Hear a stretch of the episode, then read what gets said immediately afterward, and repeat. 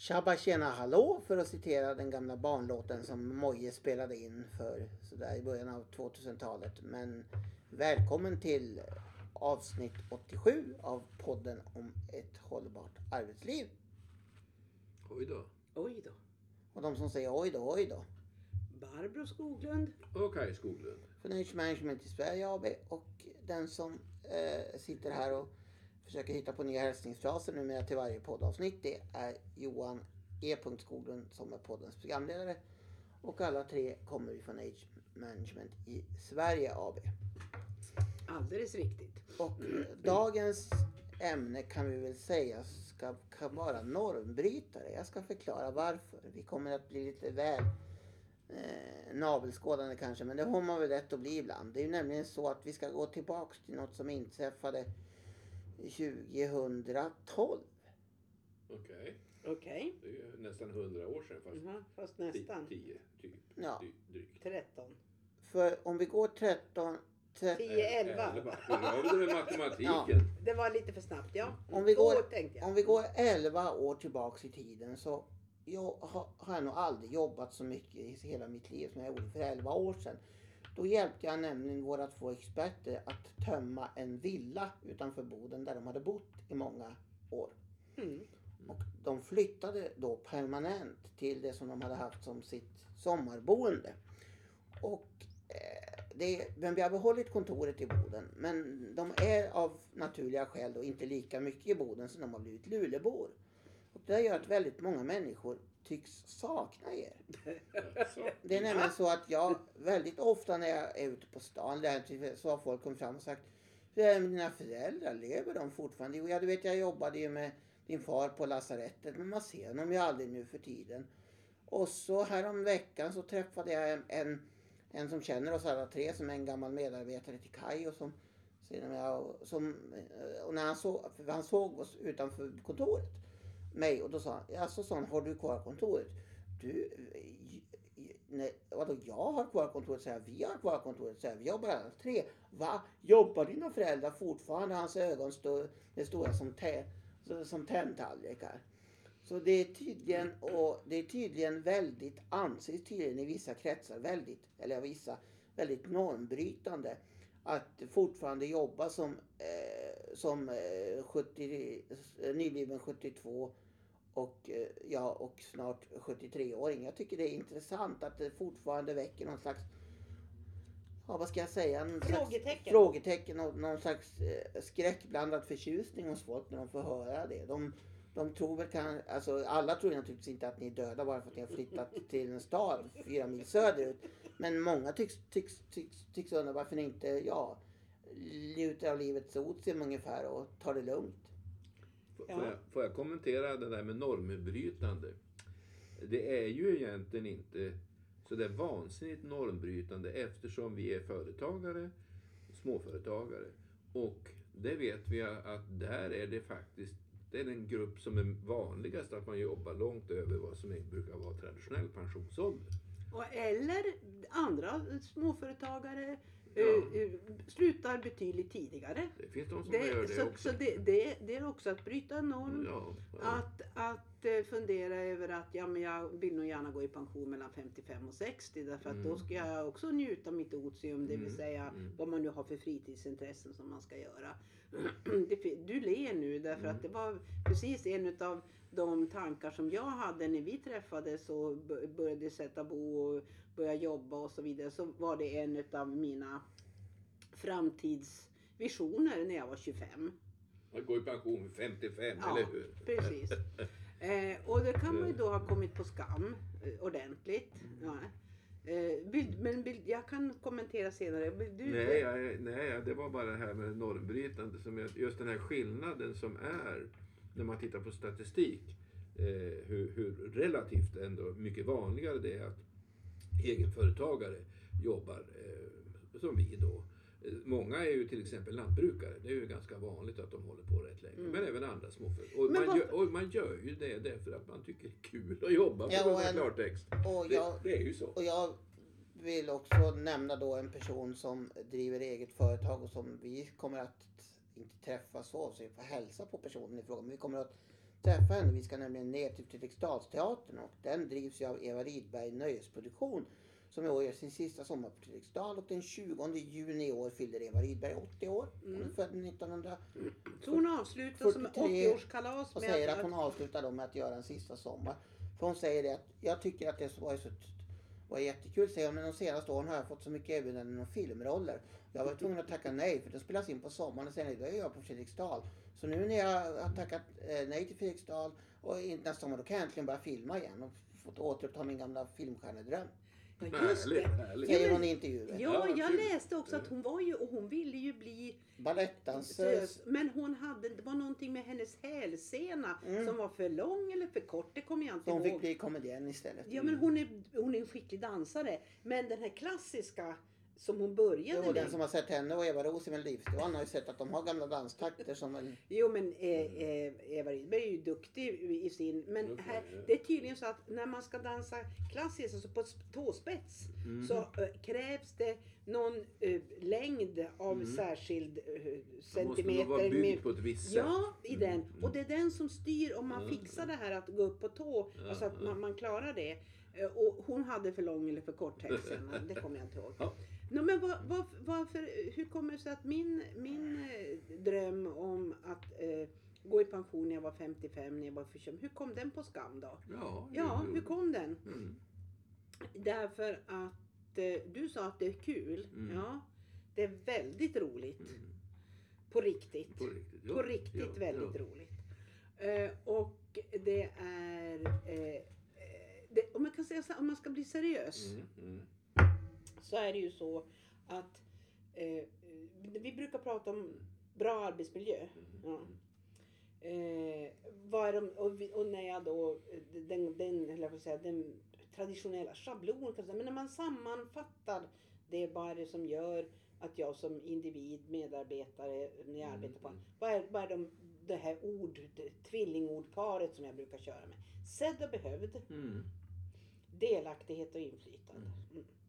Mm. Och det här är ju väldigt olika på då hur vi vill bli sedda och behövda. Mm. Men man kan väl säga så här, alltså på individnivå. Vi, vi, Mm. Vissa av oss vill bli sedda varje dag utav vår chef. Andra vill, tycker inte alls att det där är så speciellt intressant.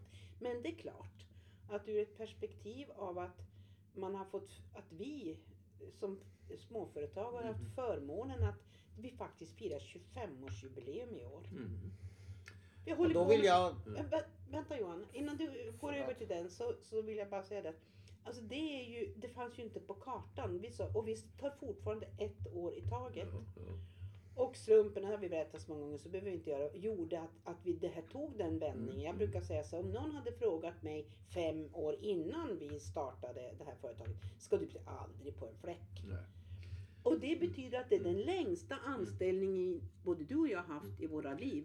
Men sam, ja, förlåt, Johan du ville visst komma Nej, jag ville bara säga det att förutom sedd och behövs får vi heller inte glömma ett viktigt ord som jag tror att vi alla tre här i företaget eh, lider av i stora mått och det är nyfikenhet. Ja.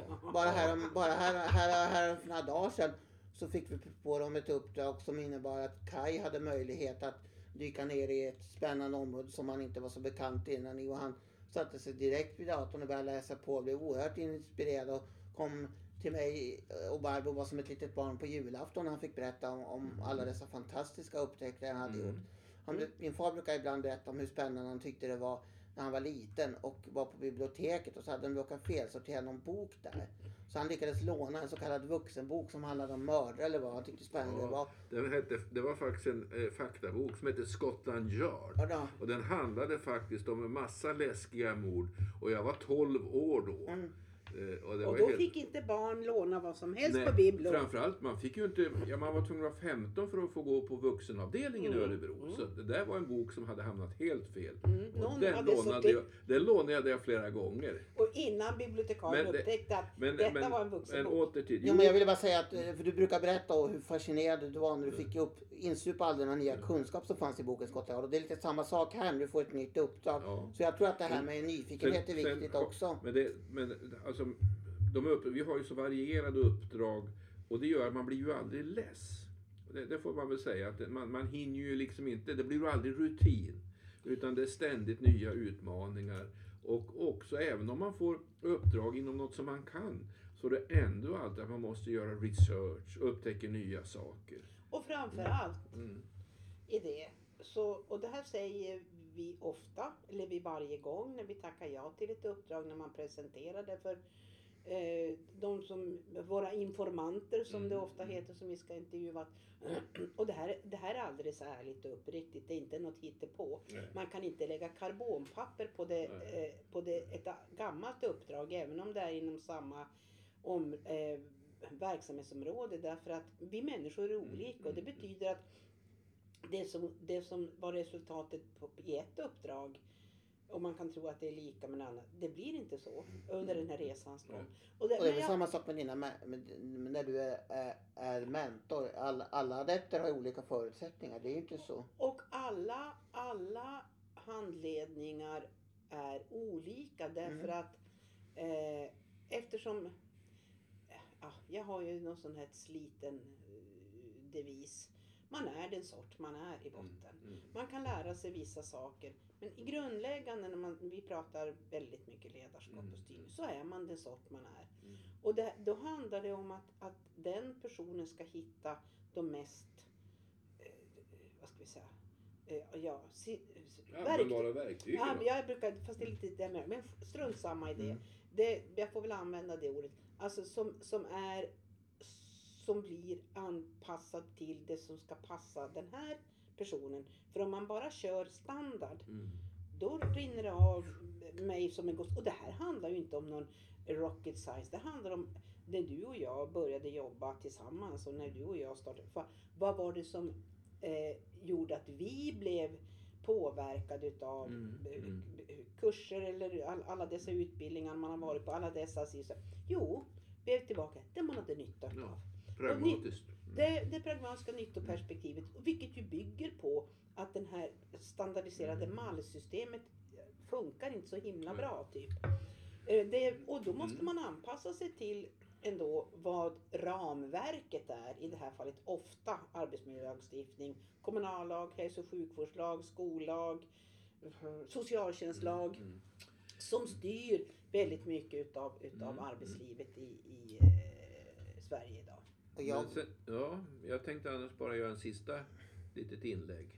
Jag hade också en sista, men du får gå först här. Och det brukar jag alltid avsluta. Du, Ja, du får ju ändå det sista. Jo, nej, det, man kan ju inte låta bli att undra eller reflektera lite över hur synen på ålder eh, och arbetsliv varierar mellan olika länder. Det är klart man osökt kommer att tänka på eh, att USAs äldsta president någonsin kommer förmodligen att ställas mot USAs näst äldsta president eh, någonsin. Mm, mm. Visserligen först en diskussion framförallt om Joe Bidens ålder. Han kom ju, om jag kommer ihåg rätt, var 86 om han skulle bli en period till. Mm. Men icke desto mindre är det fullt möjligt i det här landet att, att ledande politiker kan ha den åldern. En av de få i Sverige eh, så, som eh, kan säga med parallell, det var ju Barbro Westerholm som Mm. rätt nyligen. Eh, och sen hade vi ju, eh, vad heter det, eh, Tullia von Sydow också. så det Björn finns ju några exempel, men de är verkligen, de är verkligen normbrytande i svensk politik. Ja, men, och, och, men då är det så här att det här handlar ju liksom inte om att eh, egentligen vår grundläggande devis, hela, det vill säga vi började med det här att förlänga arbetslivet, det är eh, både och. Alltså arbetslivet behö, behöver, Ja. de- den kronologiska åldern måste bli mindre intressant. Den är fortfarande det uppenbarligen. Och, eh, och, och det får den väl vara då. Va? Men ska vi greja den här stora kompetensförsörjningsutmaningen så är den kronologiska åldern, måste den få mindre dignitet i när man värderar människors förmåga till att utföra en arbetsuppgift. Mitt sista inlägg blev mitt näst sista. Eftersom jag osökt återigen får en annan association där det går åt helt andra hållet. Och de oerhörda protesterna i Frankrike Ja. mot den väldigt, ska vi säga, måttliga höjning av pensionsåldern jämfört med till svenska förhållanden som man gör där. Så hur de ska klara sin eh, kompetensförsörjning det, på sikt, det blir ju riktigt spännande. Ja, inte bara det, sitt, sitt pensions, Mm. alltså sin ekonomiska situation.